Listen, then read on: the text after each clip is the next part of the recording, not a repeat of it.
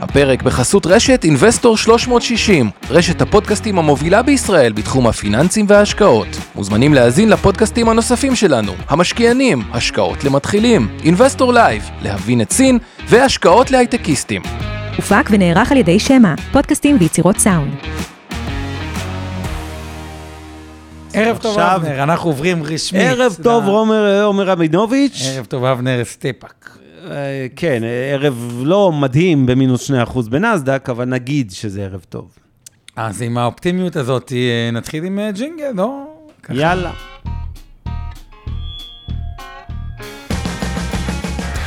המשקיענים. אבנר סטפאק ועומר רבינוביץ' בשיחה חופשית על התחומים החמים ביותר בעולם ההשקעות.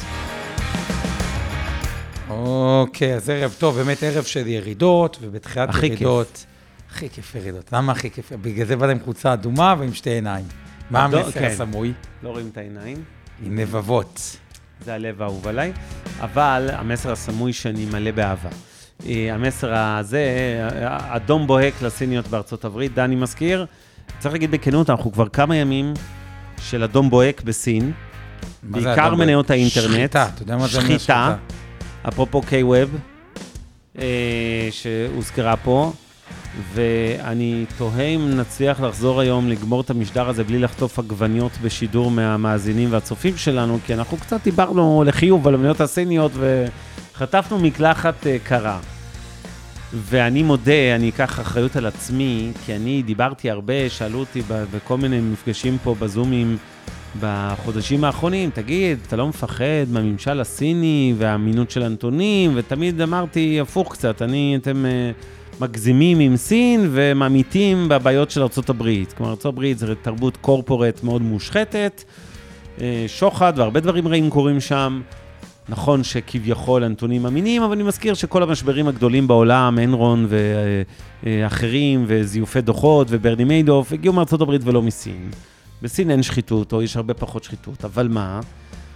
הריכוזיות של סין, שזה כמובן נתון ידוע, שהגיע למצב שהנה כבר התחילו עגבניות, תודה לתמיר כרמל, חטפתי בעין, אני מודה לך על השפריץ.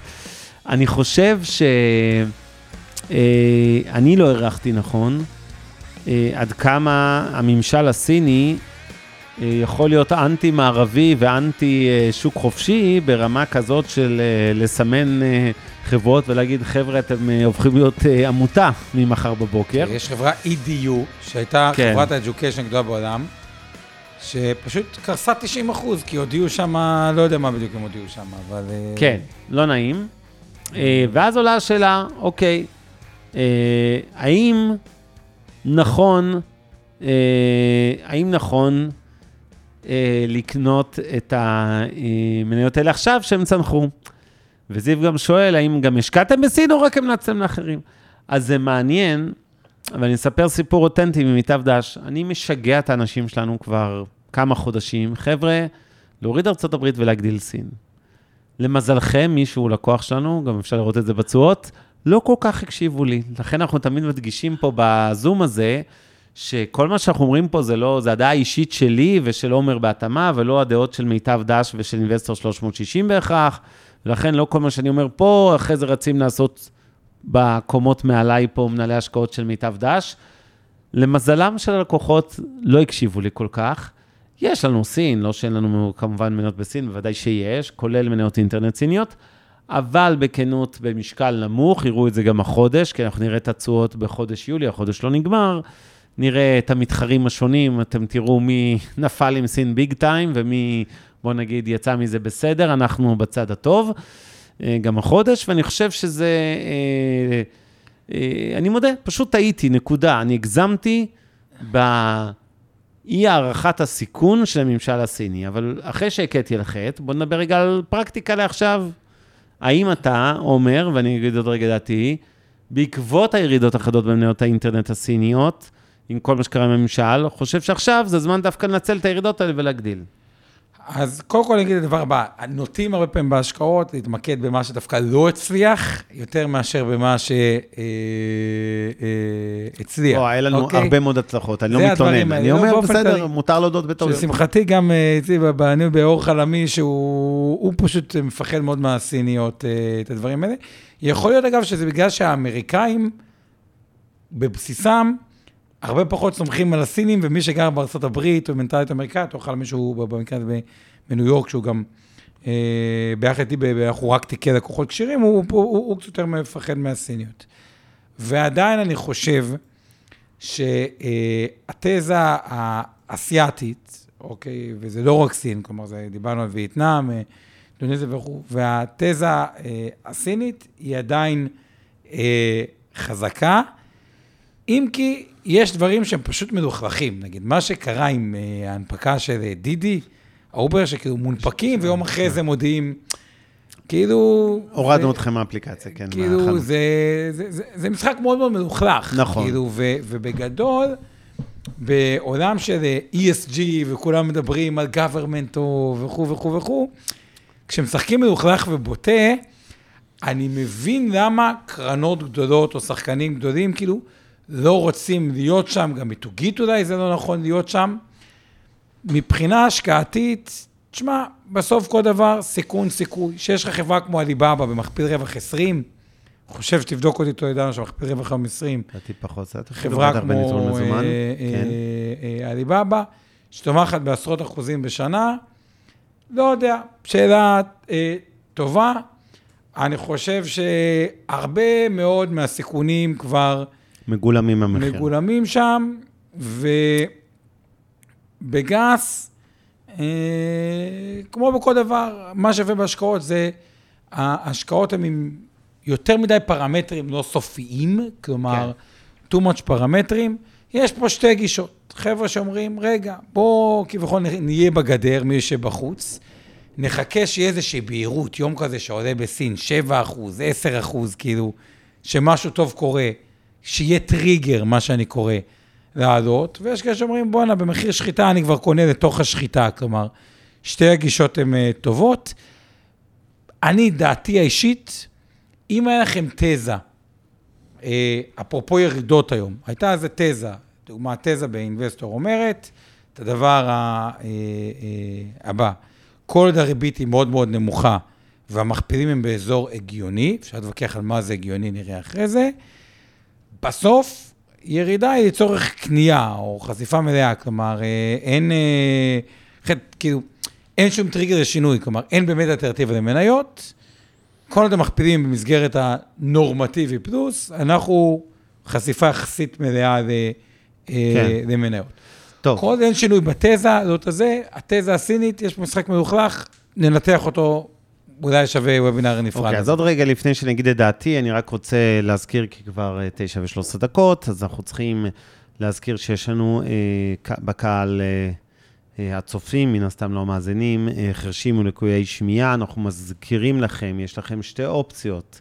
יש לנו את איתן גרבר, התותח שיושב שם וכל היום עושה את שפת הסימנים, סימון לחרשים ולקויי שמיעה. מי שצריך את זה, שיעשה raise your hand, נעביר אתכם לפאנל ותוכלו לראות את איתן.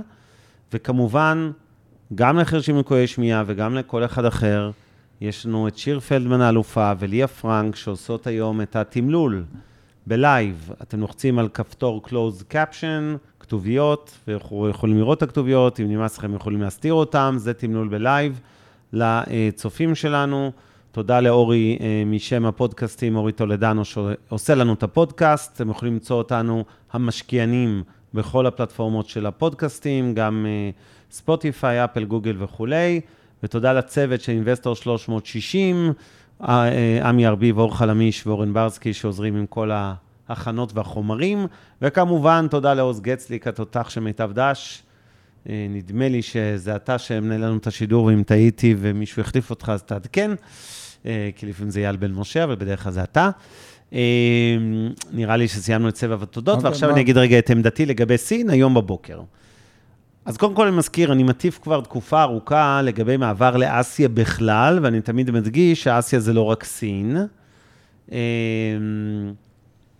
אה, אה, תטפלו שם בבקשה, יש שם בקשה להסיר, אה, אה, לא לראות את הסימון, אז אה, תעזרו לה בבקשה. אה, אני חושב שאסיה זה לא רק סין, ואני תמיד מדגיש את זה, ודיברנו הרבה על מדינות, ועשינו מסע איתכם לווייטנאם וכל מיני הודו ומדינות אחרות. בהחלט, כשנדבר על אסיה זה לא רק סין. דבר שני, בתוך סין, אה, לגבי מניות הטכנולוגיה, אני רוצה להגיד משהו. ואני עדיין בעמדה, אני אדגיש שאני בדעת מיעוט, כי היה לי היום איזה שיחות עם אנשים אה, בתוך מיטב דש. הם עדיין מעדיפים לא להתקרב יותר מדי למרות הירידות החדות במדינות האינטרנט, ואני, ואני כן חושב שזה, שזו אה, הזדמנות. אה, אה, אני חושב שזו הזדמנות, כי זה כבר מוגזם. בוודאי שצריך גם להפריד בתוך עולם האינטרנט. יש אזורים שהם יותר מסוכנים, נקרא לזה רגולטורית, להנפת הגרזן של הממשל בסין, שיסגור להם עסקים, ויש עסקים, יש אזורים שהם פחות. נתת דוגמה מצוינת, עליבאבא, הרבה פחות בעיניי מסוכנת, אה, לצורך העניין, אה, מחברות כמו EDU או אחרות, שברור שהממשל הסיני יכול להתערב באי-קומרס, במיוחד שגם יותר ויותר ממנו גם גלובלי. אני לא חושב שיש אה, אה, אופציה מעשית לממשל הסיני אה, לפגוע, גם אין רצון.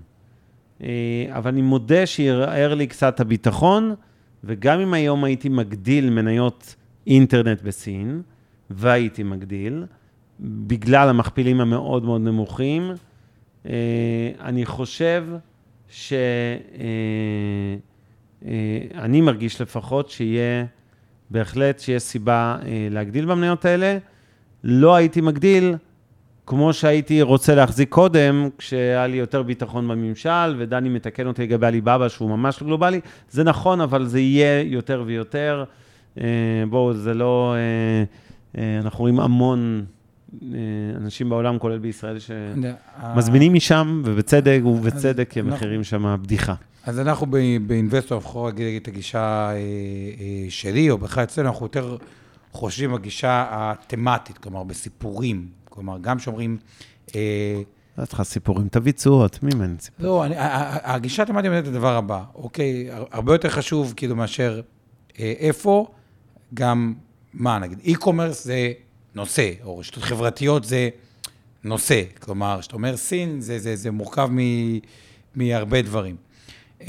ואני נוטה להסכים עם אבנר, שבדרך כלל אני נוטה לא להסכים איתו, לגבי הנושא של האי-קומרס, הוא, הוא, הוא משהו שהוא פחות כאילו רגולטורי, זה גם מאוד צרכני.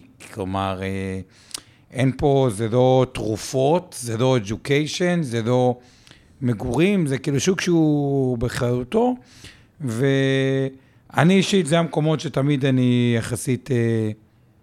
אהבתי אותם, זה בבא, זה ג'יי די, זה... בינתיים אם אפשר, אבל בואו נמשיך לנושא של היום רשתות חברתיות, אבל בגדול, דעתי כן. לא השתנתה. בשתי מילים, פינת המכפילים, מה שאנחנו רואים פה בעיקר, זה את אותם מכפילים שבארצות הברית טיפה עלו כי היה קצת עליות. בסין טיפה ירדו, אגב, סין היא המדינה היחידה שכבר בצורה שלילית מתחילת השנה. אבל בעיקר את היעדר אלטרנטיבה, כלומר, תשואת האג"ח במדינת ישראל לעשר שנים זה אחוז, תשואת האג"ח ארה"ב לעשר שנים 1.3, ומבחינתי התזה של אין תחליף עדיין למניות, היא עדיין נכונה. S&P בתחילת השנה אזור ה-17, אולי אחרי היום קצת פחות, נסדק פלוס 15, ישראל פלוס 10, ושאר העולם משתנה, אבל סין היא היחידה ששלילית. לא רואה עדיין את האלטרנטיבה האמיתית למניות, התזה שלי, מניות, נדל"ן, השקעות אלטרנטיביות, זה המקום להיות בו. בתוך מניות, מעדיף את ה stock picking, אבל זה פחות כאילו בתזת הבסיס. אג"ח מדינה ויברח, אג"ח קונצרני ויברח, חוב פרטי אה, על חשבון חוב ציבורי.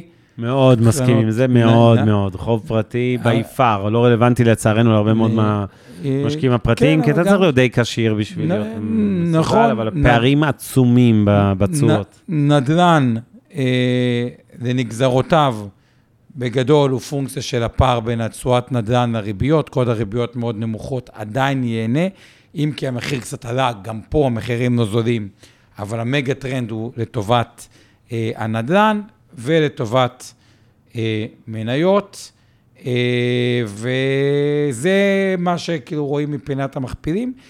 כן, אני מדבר על מנהלי קרנות גידור, בעיקר הוותיקים, כאלה שגם ראו אה, מפולות שהם קצת יותר שמרניים, אה, אומרים מכפיל מכירות מאוד מאוד גבוה אה, וכו'. אה, בסוף, התזה על רגל אחת זה מה שאמרתי, חוב פרטי חשבון חוב ציבורי. אה, ולהוסיף עוד דבר אחד, כן, נדל"ן, מניות, ועוד דבר אחד, עדיין בעולם של ריבית אפס, כן יש היגיון קצת יותר מוגבל בגופים. כל עולם לעבוד לא על תיק של 100%, אלא לקבל הלוואות בריבית פריים מינוס חצי, בחלק מהגופים. אה, זה אומר אפשר לעבוד גם על 110, 120, 130 אחוז כן. היקף נכסים, זה עוד דבר שאנחנו עושים, זה במקרו, ועכשיו אנחנו לנושא המרכזי. בגדול די מסכים עם רוב מה שאמרת, אה, ונחזור באמת לנושא המרכזי שאיתו התחלנו היום, את הנושא של הרשתות אה, החברתיות. אז בואו נחזור רגע למצגת שלך.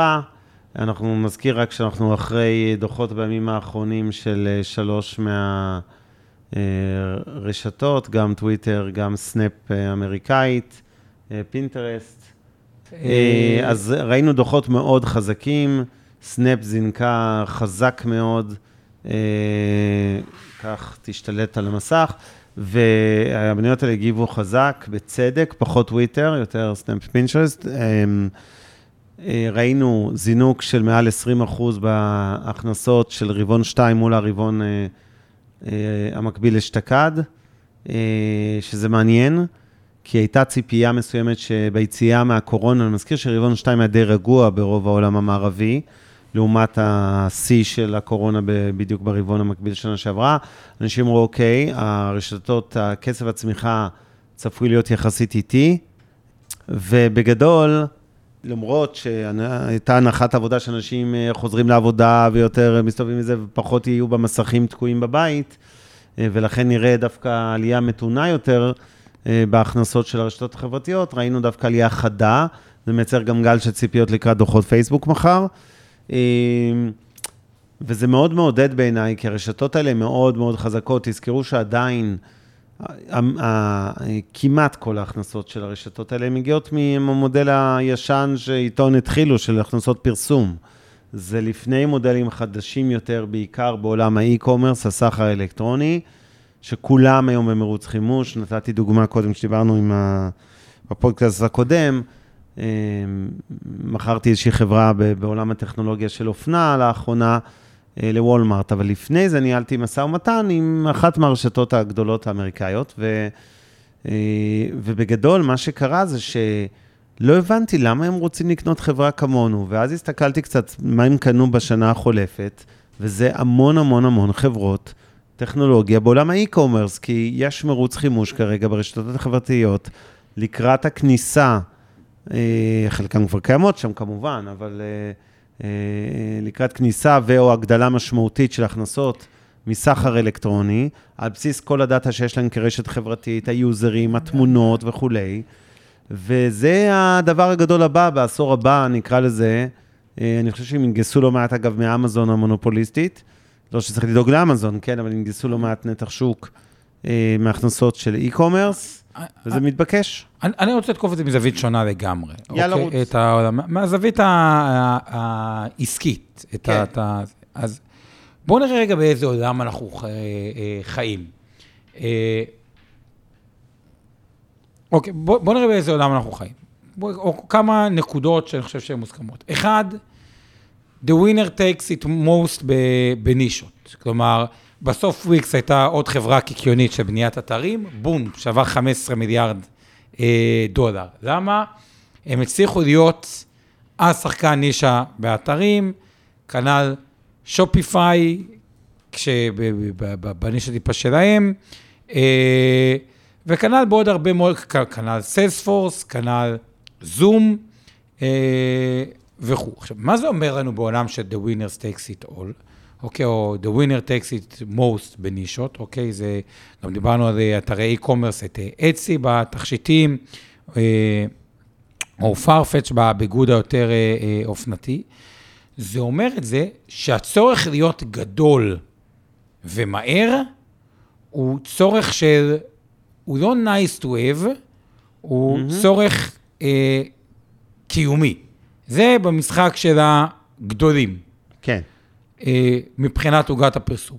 בעולם של הקטנים, כל העסקים הלוקאליים, אה, מראש זה עולם של רק פרסום ב- ב- באונליין, כי הרי העסקים הקטנים האלה לעולם לא יפרסמו אה, טלוויזיה, רדיו ו newspaper, כי פשוט אין לזה הצדקה אה, נכון. קיומית. אז מה זה בעצם אומר? שהגדולים, או מי שיש לו סטארט-אפ שרוצה לצמוח, ההוצאות marketing עליו יצמחו בטירוף, כלומר, ישימו על זה מספרים דמיוניים, כי הם מבינים, הראשון תותח winner, השני אה, כלום ושום דבר, או, או השני אולי כן, אבל הרביעי החמישים כבר לא, אה, אי רלוונט. בוא אבנר, ספר לי, מי החברת בניית אתרים, חוץ מוויקס, העצומה? וואלה, אני צוחק, הם פעם היו בונים אתרים. כן. מי החברת... אה, לא, זה ברור, זה- אני מסכים עם הרציונל שלך, winner takes it יפה. בהרבה מאוד ענפים, ושחקן אחד שולט במנועי חיפוש, גוגל, שחקן אחד שולט באתרים. לא, עכשיו, בקטע הזה דווקא, אני אומר את הדבר הבא, גוגל היא לא צריכה לפרסם בשביל גוגל. עכשיו, אני אומר, זה לא משנה איזה נישה חדשה תיווצר בעולם, זה לא משנה לאן הוא הולך, זה אומר את הדבר הבא, כשמשהו יכול לצמוח או שנוצרת נישה לממדי ענק, ישימו כסף אדיר בפרסום בפייסבוק, גוגל, אולי גם Outbrain טאבולה אה, אה, יכולים אה, אה, ליהנות מהדבר הזה. ואז יש את כל השאר, אבל בבסיס, בסיס המודל, אה, הרשתות החברתיות, שמה שנקרא lead generator, אמורות מאוד ליהנות. זה משהו אחד ברמת המקרו. הדבר השני ברמת המקרו, זה היום כל עסק חדש שמוקם, שהוא צומח, ואפשר לקחת את אה, וולט, תיקח אותו בתור דוגמה, עסק יחסית לא... קח את וולט ישראל, כן. חלקנו מכירים אותו, עסק שהוא לא מאוד מאוד אה, אה, ותיק, אה, הוא עם נבנים עם עסקים שהם הרבה יותר data driven. מה הכוונה? מראש המערכות מידע שלהם הן מערכות מידע כן. אה, עם הרבה יותר דגש על ה data ועל מדידה. אה, וכשאתה יודע למדוד משהו, אתה יודע בסוף להגיע עוד פעם מה ה-lifetime value של ה-customer, וראינו פה לא מזמן את תום, מה, מה שווה לקוח. טוב, מנכ"ל Verbit, ה unicorn הישראלי בתחום אה, התמלול, אה, נכון. כן. נכון, וויקס מפרסמים את זה, וכולם מפרסמים את זה. עכשיו, ברגע נכון. שאתה יודע מה שווי לקוח, הרבה יותר קל לך לקבל הערכות לגבי הפרסום. כלומר, יש לך שווי לקוח, אתה אומר או, כמה שווה הפרסום לי. משתלם, ראינו את זה, זה שקף שכבר ראית גם בעבר, נדמה לי שהוא גם מופיע במצגת של היום, שמראה כמה בעצם העלות אה, זניחה של, אה, כן, פרסום per user מ converted, מה. שנקרא, בפייסבוק לעומת... אה, לא, לעומת השאר, אבל אני אומר, בלי קשר לזה, באופן כן. כללי, ככל שיש לך יכולת למדוד כמה שווה לך לקוח, יש לך יכולת קבלה לגבי פרסום, או, או, או להגדיל תקציבי פרסום, כי כאילו, אם העסק לא עובד, אתה תפסיק את הפרסום מיד, אבל אם העסק עובד, מה הפחד תמיד? כולם אומרים, מגיע המנכ"ל השמרן, ואומר, אבנר, או עומר, או לא משנה מה, אני במקרה גם אה, מנכ"ל, וזה כאילו, צריך תמיד cost under control. כן. ואגב, האינטואיציה האנושית היא הרבה יותר, היא, היא הרבה יותר קל להגיד, בוא לא נתפרע עם ההוצאות, מאשר להתפרע. להתפרע עם הוצאות זה אחד הדברים הכי מפחידים שקיימים בעולם אה, אה, העסקי. אה, תסכים אותי או לא תסכים איתי, אבל להגדיל משמעותית הוצאות זה, זה החלטה שהיא לא אינטואיטיבית. רק אם מציגים לך דאטה שמאוד מאוד תומך בזה, בלהגדיל הוצאות, כי הנה ה-lifetime value, אז אתה תעשה את זה. והיום יש יותר כלים לזה. נכון. קיצר, בואו נסכם את הסיכום של המקרו, כדי שנעבור רגע למי הווינרס, מי הלוזר, מי עולה, מי יורד שם. אנחנו נמצאים בסביבת מקרו, שבה חברות גדולות, בנישות גדולות, כמו זום, כמו זה, דברים כאלה, חייבות לצמוח מאוד מאוד מהר, כדי שתהיה להן הצדקת קיום. שזה פעם אחת תומך בהגדלת הפרסום, אפרופו גם גוגל. חברות אה, קטנות, אה, מעולם לא היה קל יותר כן. להקים עסקים, כלומר עולם של Fiverr, Wix, הדברים האלה, הפלטפורמה, התשתית הבסיסית, זה כבר לא capital intensive, או עם הון גבוה כמו בעבר, זה עולה הרבה פחות. אתה לא צריך משקיע בשביל להקים עסק, אתה יכול לעשות את זה בלי משקיע, עם כסף מאוד אה, קטן.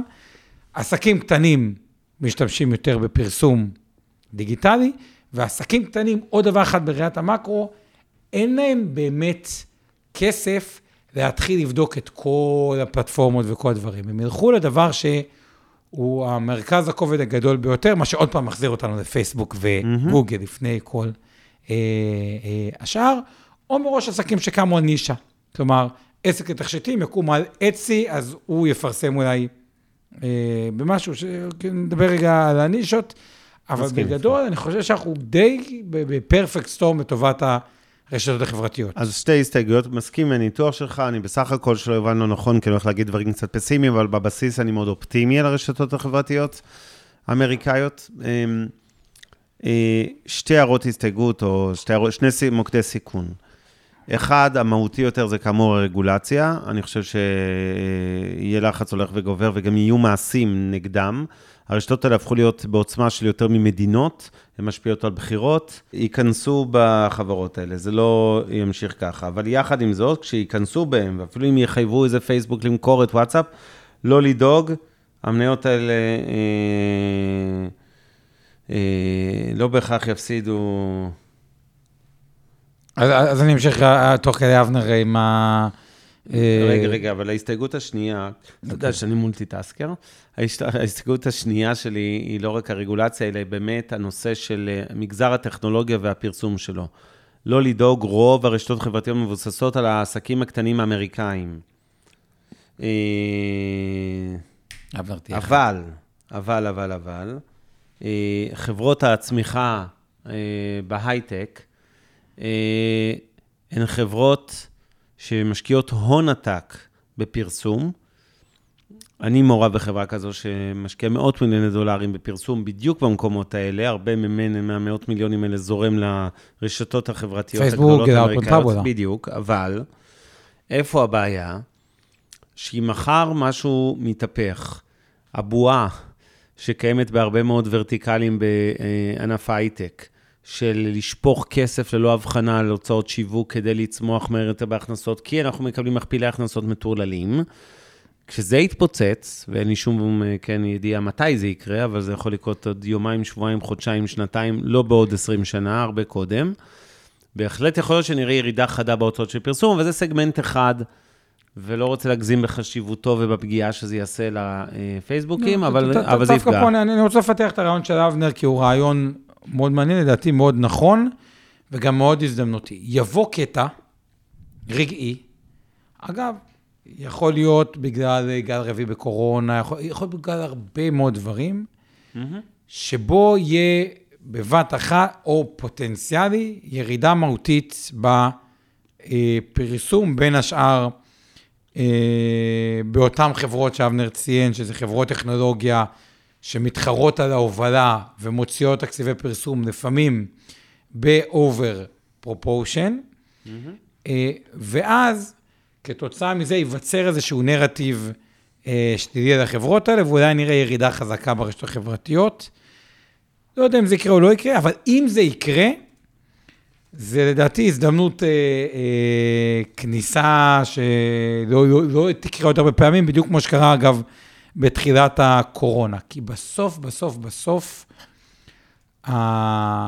עולם ההשקעות הוא, הוא, הוא, הוא מוכן היום לשלם, ובצדק מסוים, מכפילים הרבה יותר גבוהים על מה שחושבים שזה יציב או מדיד. כלומר, זה לא סתם שמייקרוסופט, אדובי ודברים, כי בסוף אתה אומר את הדבר הבא, וואלה, אני, הכסף שלי בבנק עושה אפס. אם יש לי משהו כמו 3% יציב, להלן דירה בתל אביב, אני מוכן לשלם על זה את המחיר של האימא של הפריירים. מה הכוונה? אני מוכן להיות פרייר של החיים בשביל לקנות דירה בתל אביב, ולהסתפק בתשואה של 2.75 לפני אין סוף הוצאות אה, תקלות ודברים שיכולים לקרות, כי זה יציב.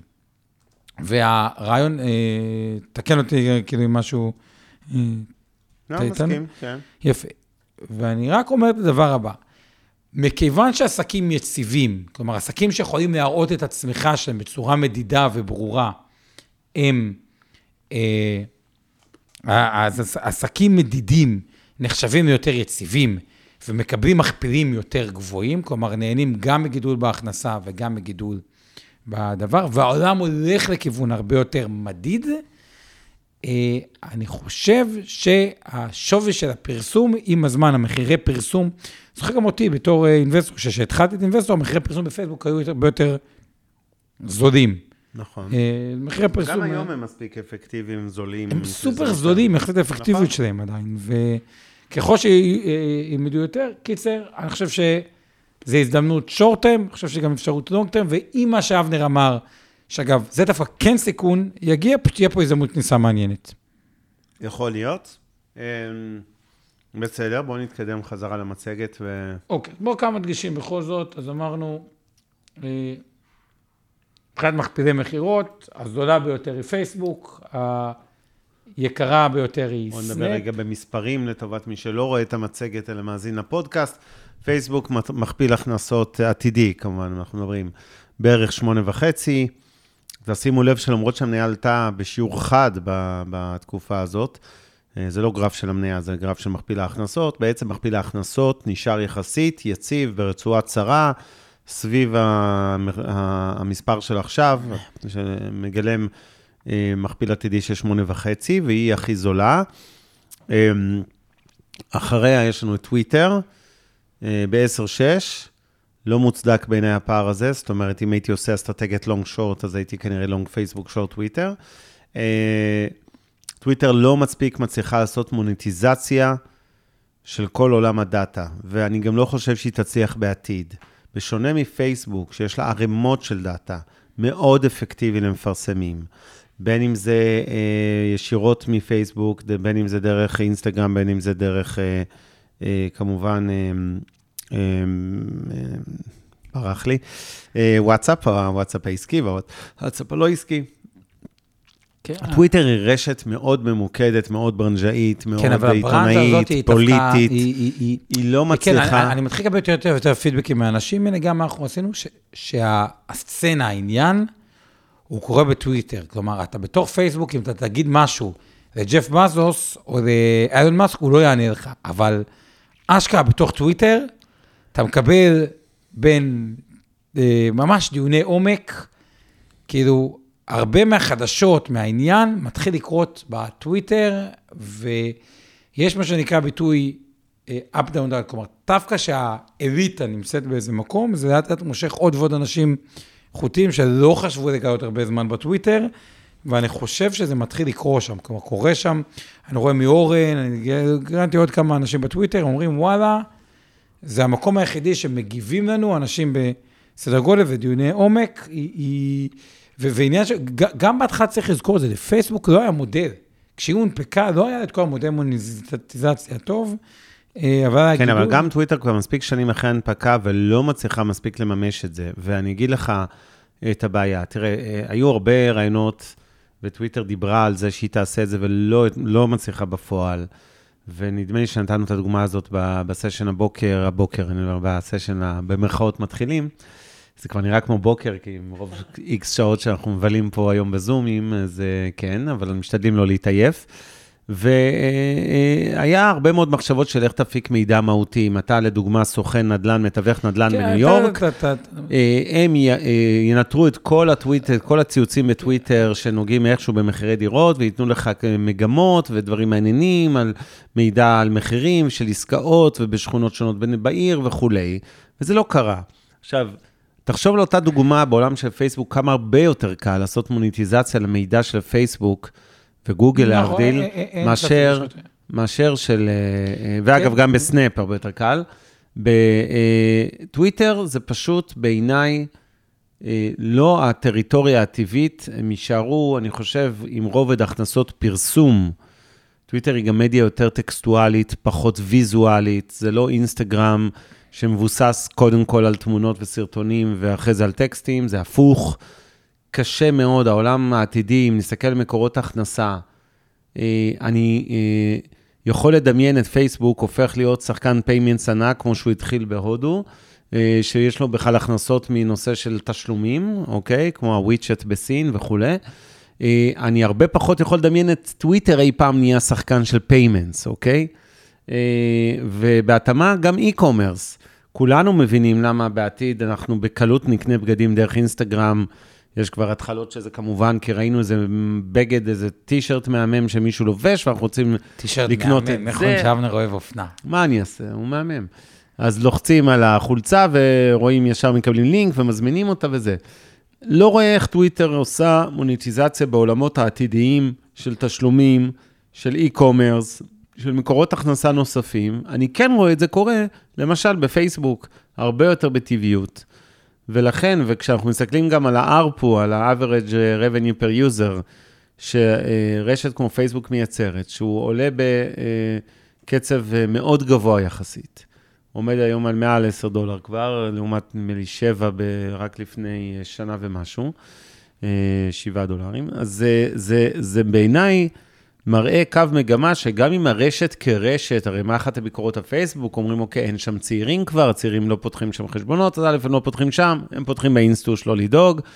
אה, פייסבוק כקבוצה לא מאבדת אותם, וואטסאפ, ברוך השם, יש ל... בהרבה מאוד מדינות, זו הפלטפורמה המובילה למסרים מיידיים.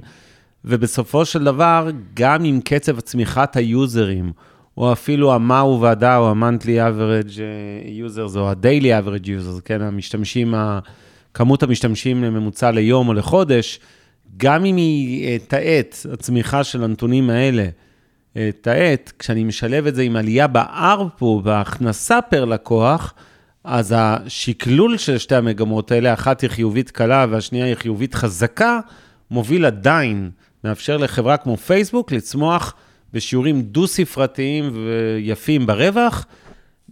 לדעתי, זה, אה, בוא נגיד, יש לה איזשהו חוסן, בלי קשר שאלה רגולטורית, ש- שהתייחסנו אליה, יש לה חוסן. אה, מאוד, visibility מאוד גבוה לשנים הבאות. עוד דבר גם שהוא ככה ראוי לציון, ואני רוצה שנראה, נדבר בכל זאת על קצת אה, חברות אה, ספציפיות.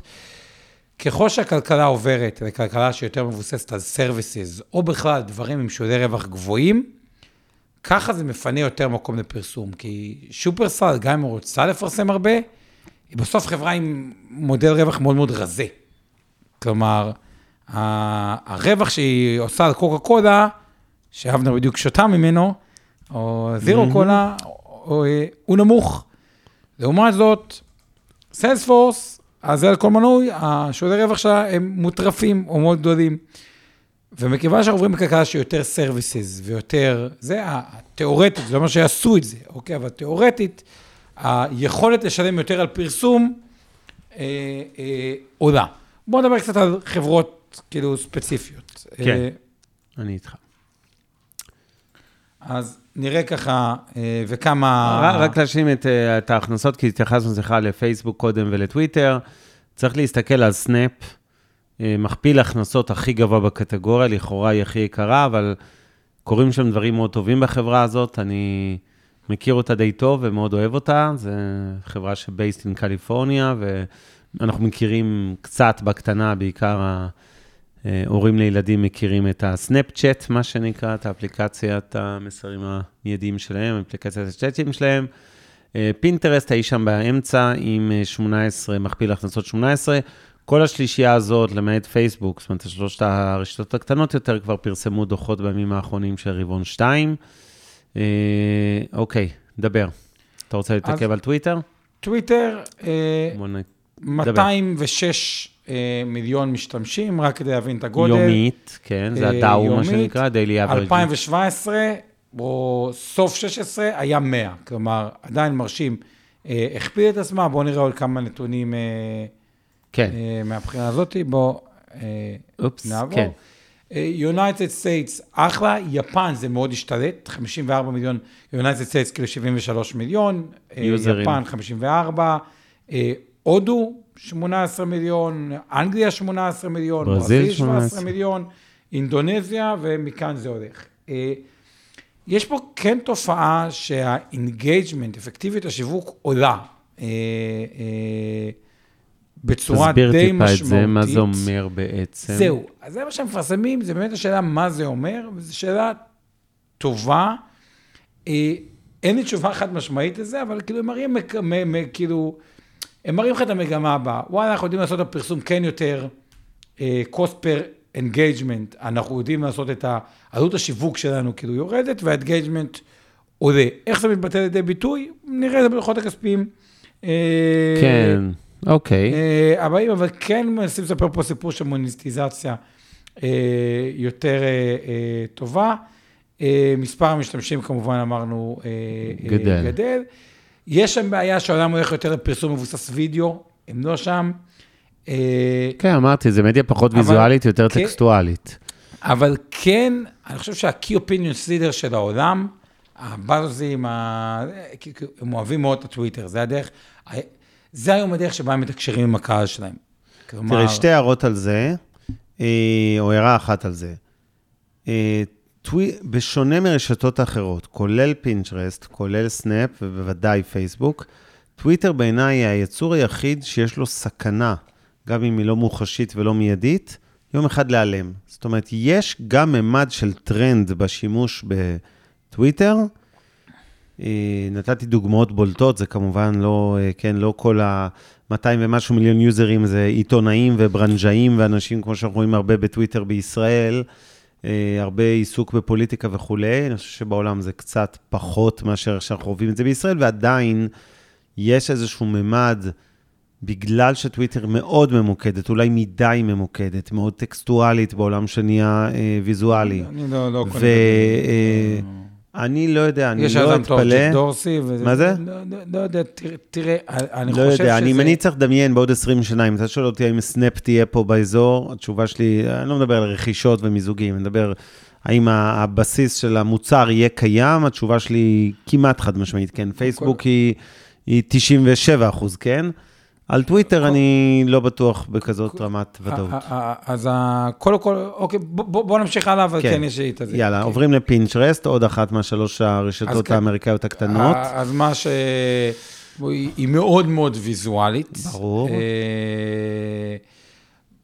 בגדול, השונה מפייסבוק, פייסבוק מציעה לך, זה יותר עולם של דיסקאברי. בוא תגלה דברים שאולי לא חשבת עליהם. פה פינטרסט מראה לך אופציות במקומות שיש לך כבר רצון עז לחפש. עניין, אתה חובב אופנה, אוהב תכשיטים, אוהב אה, מרוצי מכוניות, אז אה, אתה בדיוק. תקבל אה, תוכן אה, ממוקד, כן יש אה, יכולת שהיא מגניבה מאוד לקנות מאנשים שאתה עוקב אחריהם. בדיוק. אה, וכמובן תוכן אה, אה, אה, פרסומי, ככה זה כאילו מהבחינה הזאתי. גם פה צמיחה חזקה ביוזרים, קרוב. לחצי מיליארד יוזרים. כן, וזה משהו שהוא, כאילו מ-100 מיליון לחצי מיליארד זה אה, המון. אה, Active Monthly Users עולה בטירוף. כן, אבל שים לב, בארצות הברית הוא כמעט סטטי כבר אה, ארבעה רבעונים. סטטי, לא כמעט, לגמרי סטטי. כל הצמיחה שלהם מגיעה מהפעילות הגלובלית שאינה ארצות הברית. נכון, כן, אבל ברגע שיש לך 100 מיליון אנשים, שזה הגילאים שהם כאילו, אתה כל השוק, וכאילו, אין, כנראה שהגעת לטאם, total addressable market שלך, כלומר, אני מסכים. כמה צעירים בארצות רק הברית יש. אומר, אבל רואים את זה קצת בכיפוף בגרף הצמיחה. נכון ש-Area over year מראה עדיין 30 אחוז, אבל הוא כבר היה 37 ו-39, כשבדקנו רבעונים קודמים, את אה, קצב הצמיחה מול הרבעון המקביל אשתקד. אה, אנחנו מדברים על, כן, בכמות היוזרים החודשיים האקטיביים, אז בוא נגיד, יכול להיות שאם הקו מגמה הזה ימשיך, הגרף של הצמיחה ילך וכן, יתקפל למטה. אה, בואו נמשיך, אז אנחנו רואים, אה, אוקיי, average revenue per, user. per user. ופה רואים גם דבר שהוא מה שאבנר אמר, ה ARPU. אה, אז פה גם רואים גידול מאוד משמעותי, כלומר, בסוף שהם הצליחו להגדיל, quarter 4, זה היה quarter 1 קצת פחות, אבל לראות את quarter 4, אה, פי 2 מ quarter 1 2020, quarter 4 2020, אה, מאוד מרשים. אגב, צריך להגיד, בדרך כלל quarter 4 הוא יותר טוב, זה ה Christmas, זה הדברים האלה, לא יודע, זה, זה, זה quarter שהוא הוא הרבה, הוא יותר טוב, אבל יש שם גידול מאוד מאוד מרשים ב-average revenue per user, בנוסף לגידול יוזרים, זה execution שהוא אה, מושלם, בואו נמשיך הלאה. כן? ותראה רק אה, עוד מילה על זה, שהמספרים, לפחות ברבעון הראשון, אה, אנחנו רואים את ה... כן, למרות הצמיחה בכמות היוזרים וכמות השימוש, ה-ARPU במגמת ירידה. נכון שהיה פה איזה חריג של רבעון 4, אם ננטרל אותו, אז עדיין יש צמיחה, אבל, ותמיד, ויש פה עניין עונתי, יש את כל קניות ה Christmas וכולי, כן, ברבעון 4. אז כשמשווים למקביל אשתקד, זה כמובן נראה צמיחה מאוד חזקה, אז לא, לא לדאוג, אבל נראה לי שיש שם קצת האטה בקטע הצמיחה, ועדיין אחלה אה, רשת חברתית. כן. אוקיי. אה, אתה רוצה להגיד משהו, 85 אחוז, אה, אתה רוצה רגע... ש-85 אחוז מה... פינטרסט, כן, מה users של פינטרסט השבויים, ביצעו רכישה טוב, בוא מאחד המותגים שמוצגים שם. את הדברים האלה. כן. אוקיי. סנאפ, אתם רואים את הלוגו המוכר שם, מי שרואה את הרוח הרפאים של סנאפ. טוב. כן, בתור אה, אבא לבנות, מה סוד ההצלחה של סנאפ לדעתך? זה שהם יכולים למחוק תראה, קודם כל בישראל זה לא כזה מצליח, היה להם עדנה פה לכמה רבעונים כזה, שכולם הורידו את הסנאפ והשתמשו בזה, ומסרים, וזה נמחק תוך שניות וכולי. לא יודע להסביר בדיוק מה קרה להם בישראל לעומת מה קורה בחו"ל, אבל אפשר לראות את ההתפוצצות למעלה, יש לכם כבר פה את נתוני הרבעון השני, החברה פרסמה והם יכולים את הדוחות שלה, אז אנחנו רואים... שהחברה הזאת צומחת בכל העולם, בעיקר, אגב, עכשיו באסיה, וזו צמיחה דרמטית. תראו את המספרים, אנחנו מדברים, רבעון שני, שנה שעברה, 77 מיליון, אני מדבר רק אסיה, לא, זה לא רק אסיה, זה rest of לא אירופה וארצות הברית. זה היה, נגיד, רק שליש מהיוזרים שלה, אבל 77 מיליון הגיעו מה-rest of world, כלומר, בעיקר מאסיה. ה-78 הזה תוך רבעון מזנק ל-87, תוך רבעון מזנק ל-99, תוך רבעון 99 הופך ל-111, וברבעון השני של 21, עכשיו, שהסתיים לפני חודש, כבר 120 מיליון user, לעומת 71 בסך הכל לפני, ברבעון השני של שנה שעברה. כלומר, זה דרמה עצומה. אני מזכיר שהרבה מהטריטוריות האלה קצת השתחררו מקורונה ברבעון השני, והייתה ציפייה שתהיה ירידה בשימושיות ובכמות היוזרים. כי אנשים כבר לא דבוקים למסכים וכלואים בבית, אלא מסתובבים, ואני חושב שזה הישג מטורף של החברה הזאת, אני מאוד מאמין בחברה הזאת, בסנאפ. אה, נכון, באירופה וארצות הברית הצמיחה הרבה יותר איטית, כי זה כבר רשתות שהיו מבוססות שם אה, מאוד.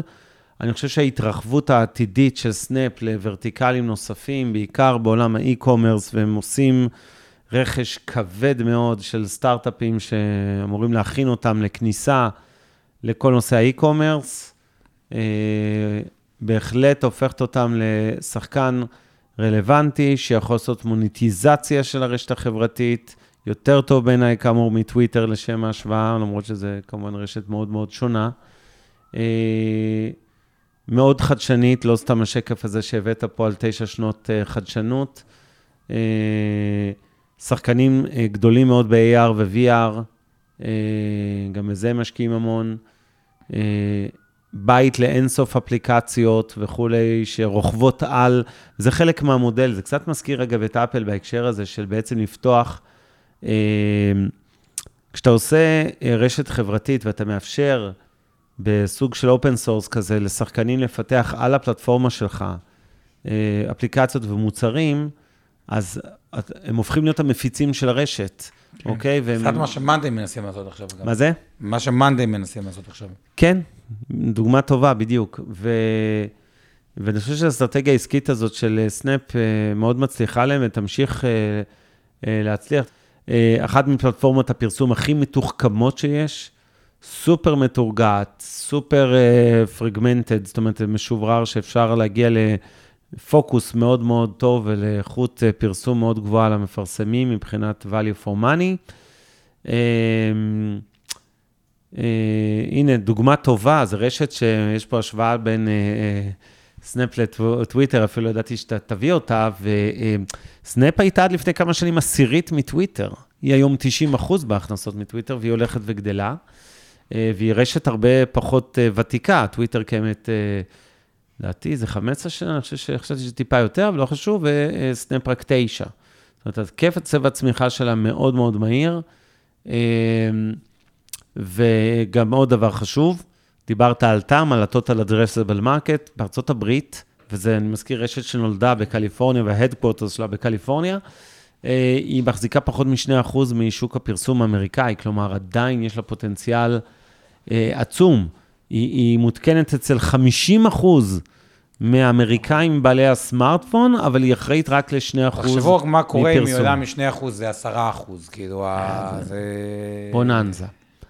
אה, אנחנו רואים את ההכנסות, זינוק פראי, 2018 מיליארד 200 דולר, 2019 1.7, 2020 2.5 מיליארד. לפי דוחות החצתית הראשונה, הם הרבה מעל שלוש השנה, קרוב לארבע. כלומר, זה בהחלט נראה... הארפו שלו עלה ב-2018 מ-6 ל-10, זה טירוף. כן, כן, כן, ממש. ה-average revenue per client. אז זה בהחלט, אה, אה, סנאפ בהחלט נראית אה, מעניינת. צריך להגיד שבגלל או בזכות כל הנתונים המאוד טובים, אז היא גם נסחרת במכפיל הכנסות הכי יקר, בערך 34, mm. לעומת נגיד רק 11 בפייסבוק, רק 12 נכון, בטוויטר ו-24 בפינטרסט. קצת תשואות של החברות האלה. כן. אז... זה מעניין, כי סנאפ, למרות הכל, כן, כשאנחנו מסתכלים לפחות חמש שנים לאחור, אז אנחנו רואים שטוויטר נתנה את התשואה הכי גבוהה, השקעתם 100 אלף, יש לכם היום 350, כלומר 250 כן, אחוז. כן, אבל כי היא הייתה מדוכאת, והחברות האחרות... יכול להיות, פינטרסט אחריה עם תשואה של 213 אחוזים, פייסבוק קרוב ל-200 אחוז, וסנאפ רק במרכאות 182 אה, אחוז. כול, כולם מעל, ה, כמובן, על ה-S&P 500, אבל לא, אה, אה, סנאפ הייתה כביכול הכי חלשה מבחינת המניה. נדמה לי שזה לא כולל... אבל זה רק לראות את זה, אם אתה מסתכל על הטווח היותר קצר של הביצועים המדהימים שלה, אז היא עשתה... סנאפ, כן. אם מסתכל על הטווח יותר קצר, היא עשתה 278 אחוז. כן, בעיניי היא הכי אטרקטיבית בקטגוריה. אני לפני כמה חודשים עשיתי עליה תחקיר עמוק מאוד מאוד, כי, היא עניינה אותי מכל מיני זוויות אחרות. רגע, זה רק סיכון צריך להגיד, אז אמרנו כבר? כן, דיברנו, לא אמרנו, וזה בדיוק הזמן אה, להגיד את ה-20 שניות אה, פרסומת לתרופות מרשם שלנו. כל מה שאנחנו עושים הערב אינו ייעוץ השקעות ולא תחליף לייעוץ השקעות המותאם לצרכים נכסי כל אדם באשר הוא. אה, אם הזכרנו פה מניות, ואנחנו מזכירים פה הרבה מאוד מניות, צאו מנקודת הנחה שזה לא המלצה לביצוע פעולת השקעה או להימנעות או לביצוע פעולת שורט, וגם לא אה, תחליף להתייעצות לגבי אותן מניות, ואם אנחנו מזכירים את המניות האלה, הן כנראה נמצאות אי שם בתיקי השקעות, ההשקעות של לקוחות אינבסטור 360, או בתיקי השקעות כהנות על קופות הגמל, תעודות הסל וקרנות הפנסיה של מיטב דש. כל מה שאנחנו אומרים הערב זה דעתנו האישית, הדעה הפרטית של עומר רבינוביץ' של אבנר סטפאק, ולא דעתם של מיטב דש ושל Investor 360.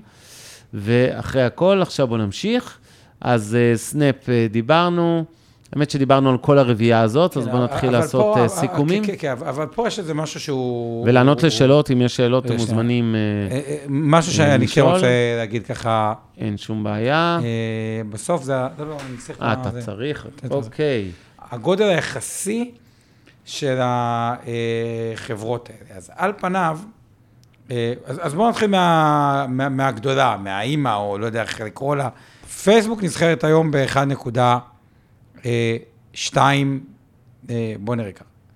נתחיל מפייסבוק. היא ב-1. טריליון דולר. אה, מהבחינה הזאת, היא עשתה גם, ראינו פי 2 מה...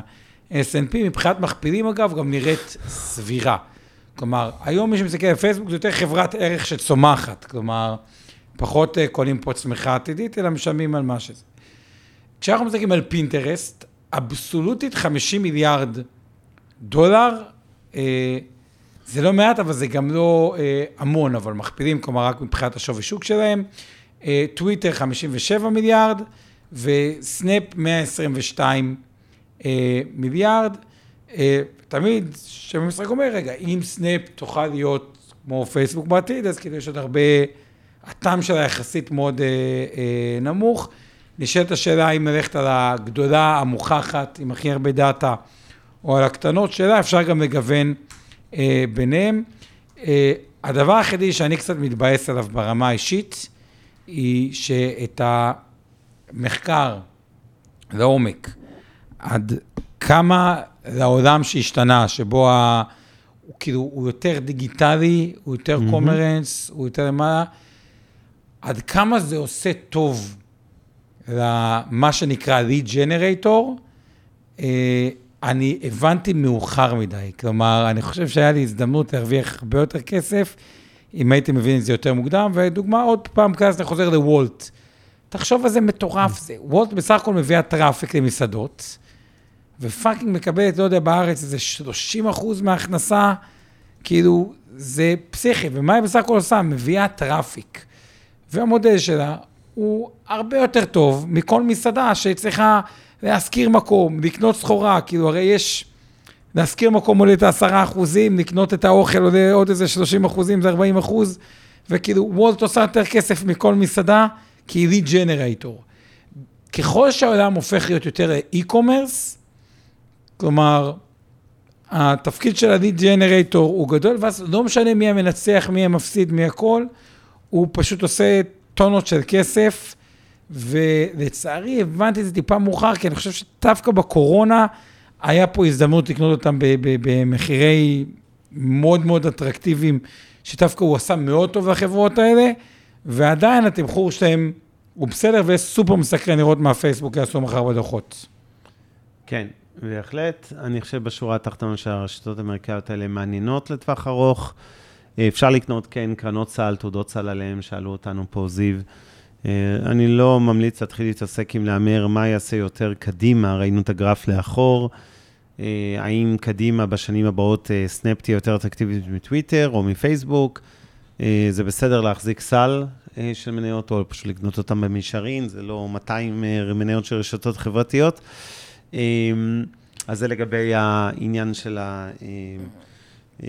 איך משקיעים. כן, ברמה הטכנית, כן. ברמה הטכנית, רק תזכרו, הם עשו מהלך סופר חזק כלפי מעלה, סופר חזק עכשיו, כלומר, עלייה סנאפ פלוס 278, אה, בתקופה מאוד קצרה, ולו רק מזה, לפעמים יש, כשמשהו זה כל כך חזק, כל כך מהר, אה, כן, זה לא הטיימינג האידיאלי לכניסה. אה, דיברנו קצת בעבר, בטיימינג די טוב, על הנושא הזה של באמת אה, הרשתות האמריקאיות. נכון שחשבתי אני לפחות שהסיניות עוד יותר אטרקטיביות והתבדינו, אבל גם אמריקאיות היו אטרקטיביות. באופן יחסי למדינות אחרות בנסדק, באופן מוזר, בעיניי פייסבוק תמיד הייתה יותר זולה מהרבה מאוד מהחברות האחרות, כשמנתחים מכפילים, כשמורידים את המזומן, וזה גם המקום להתייחס לשאלה מאוד חשובה של חנוך, שצריך להסביר את זה, אנשים לא מבינים, אומרים לי, רגע, אבל פייסבוק דוגרת על מזומן, מרוויחה כסף, למה היא לא מחלקת דיבידנדים? אז צריך להבין, כשאתם משקיעים בחברות, במניות של חברות צמיחה, אוקיי? משקיעים לא מצפים שחברות צמיחה יחלקו דיבידנד, הם רוצים לראות הפוך. אם יש לפעמים ביקורת על החברות האלה, זה, שנים אמרו את זה כמובן על צ'ק פוינט, שדגרה על מיליארדי דולרים, אה, למה אתם לא עושים עם המזומן שלכם כלום? זאת אומרת, או שתשקיעו אותו ב... יותר בשיווק, או ברכישות. לא, buyback זה כמו דיבידנד, זה לא חוכמה. כן. אני מדבר על אה, מה אתם עושים עם המזומן שלכם. אז אה, לפייסבוק, יכול מאוד להיות שיש סיבה אה, אה, לשמור אותו עבור רכישות עתידיות. אה, יש לה נדמה לי בערך 11 או 12 אחוז, אם אני זוכר נכון, מזומן נטו מהשווי שוק שלה, זה לא, כן, שהיא דוגרת על 30-40 אחוז מהשווי שלה במזומן. ואני חושב שזה לא... המשקיעים במניות כאלה מצפים שאו שהם ישקיעו את זה בעוד שיווק אגרסיבי, ורטיקלים נוספים בצורה אגרסיבית כמו עולם ה e-commerce, אה, או ה payments במקרה של פייסבוק, אפרופו מה שהיא עושה היום בהודו, אה, ולחילופין מצפים שהם יקנו עוד חברות, כמו שהיה וואטסאפ אה, וכולי ואינסטוש. כן, צריך להגיד בכנות שפייסבוק, יהיה לה קשה כנראה לעשות רכישות, יכול להיות שהיא תבחר להימנע מרכישות כדי לא להעמיק את העימותים שלה עם הרגולטורים בארצות הברית ובאירופה, כי זה הסיכון המרכזי לרשתות האלה. אה, ש, שיגבילו אותם, שיאלצו אותם אפילו למכור כבר נכסים קיימים. יכול להיות שהם לא רוצים במירכאות להשתין מהמקפצה ולהתחיל לקנות עוד ועוד ועוד דברים, אה, ובמצב כזה יכול להיות שיום אחד, כשפייסבוק תגיע לרוויה בצמיחה שלה, אז באמת נראה את החברות האלה מחלקות דיבידנדים. כרגע אה, זה נכון להם לא לחלק, הם לא יקבלו פרמיה על זה, להפך, השוק יעניש אותם אם הם יהיו מחלקים, להערכתי. ולכן כרגע אה, אל תבנו במניות האלה על דיבידנדים, כל עוד הם אה, קטגוריות של מניות צמיחה, האתגר שלהם להמשיך לצמוח, אה, כמה שיותר בהכנסות, בארפו, בכל הפרמטרים הפיננסיים, ושווה להם לשמור קצת מזומן בשביל הדברים האלה. מסכים, שוב, הערה אחרונה רק, טיימינג, כאילו, הם, מאוד מאוד עלו. טוב, נראה די סיכמנו את, ה... את הנושא, בואו תסתכל אם יש איזו שאלה, שתיים של לענות, ונראה לי די... אה, נראה לי שדי סיימנו, אני חוזר ברוורס קצת. אה, אה, כן, ענינו לכל השאלות, או כמעט הכל, אני מתנצל, לפעמים אנחנו מפספסים משהו. בכל מקרה, תודה לכולכם שהייתם איתנו הערב, כרגיל נהנינו, כרגיל כמו שעון, כל יום שלישי. אנחנו נהיה איתכם, אנחנו הולכים גם לארח מדי פעם קצת מנכ"לים של חברות ציבוריות, אחד המפגשים הקרובים, אנחנו כנראה נארח את מנכ"ל דורל אנרגיה, ונדבר גם הרבה על אנרגיה ירוקה, עוד לא יודע, אנחנו מתאמים את המועד הספציפי. אנחנו רוצים להגיד תודה לאיתן גרבר שעשה תרגום לשפת סימנים לחרשים ולקויי השמיעה שאיתנו, להודות לליה פרנק ושיר פלדמן שעשו את התמלול ב live, לאורית טולדנו משם הפודקאסטים. אתם מוזמנים להאזין לנו, כרגיל, המשקיענים, או סטפאק רבינוביץ', בפלטפורמות של ספוטיפיי, אפל, גוגל וכולי. להודות לצוות שלך, אור ארביב, עמי, אה, אור חלמי, סליחה, עמי ארביב ואורן ברסקי. לעוז גצליק ממיטב דש שניהל את השידור. מי עוד אנחנו מפספסים? אור אריאל, אנחנו בקבוצה של אור אריאל, משודרים בלייב בפייסבוק שלה, תודה לך על הפלטפורמה המצוינת. וזהו, נראה אתכם, אה, נראה אתכם, נשמע אתכם, תשמעו אותנו, תראו אותנו ביום שלישי הבא, ותזכרו תמיד, תעשו טוב, זה חוזר עם ריבית והצמדה. גם השבוע, תאמינו לי. מעוניינים ללמוד יותר על עולם ההשקעות? האזינו לפודקאסטים נוספים שלנו. המשקיענים, אבנר סטפאק ועומר רבינוביץ' בתוכנית אקטואלית עם כל מה שחם בעולם ההשקעות. Investor 360 Live, אורן ברסקי ועומר רבינוביץ' מארחים את בכירי שוק ההון ומבינים את הטרנדים החשובים לשנים הקרובות. להבין סין עם יובל ויינרב, עם כל מה שרציתם לדעת על הענקית מהמזרח. השקעות להייטקיסטים עם צח איציק, שיבנה איתכם תוכנית כלכלית להגשמת החלומות שלכם. והפודקאסט ההשקעות למתחילים, לכל מי שעושה את צעדיו הראשונים בעולם ההשקעות.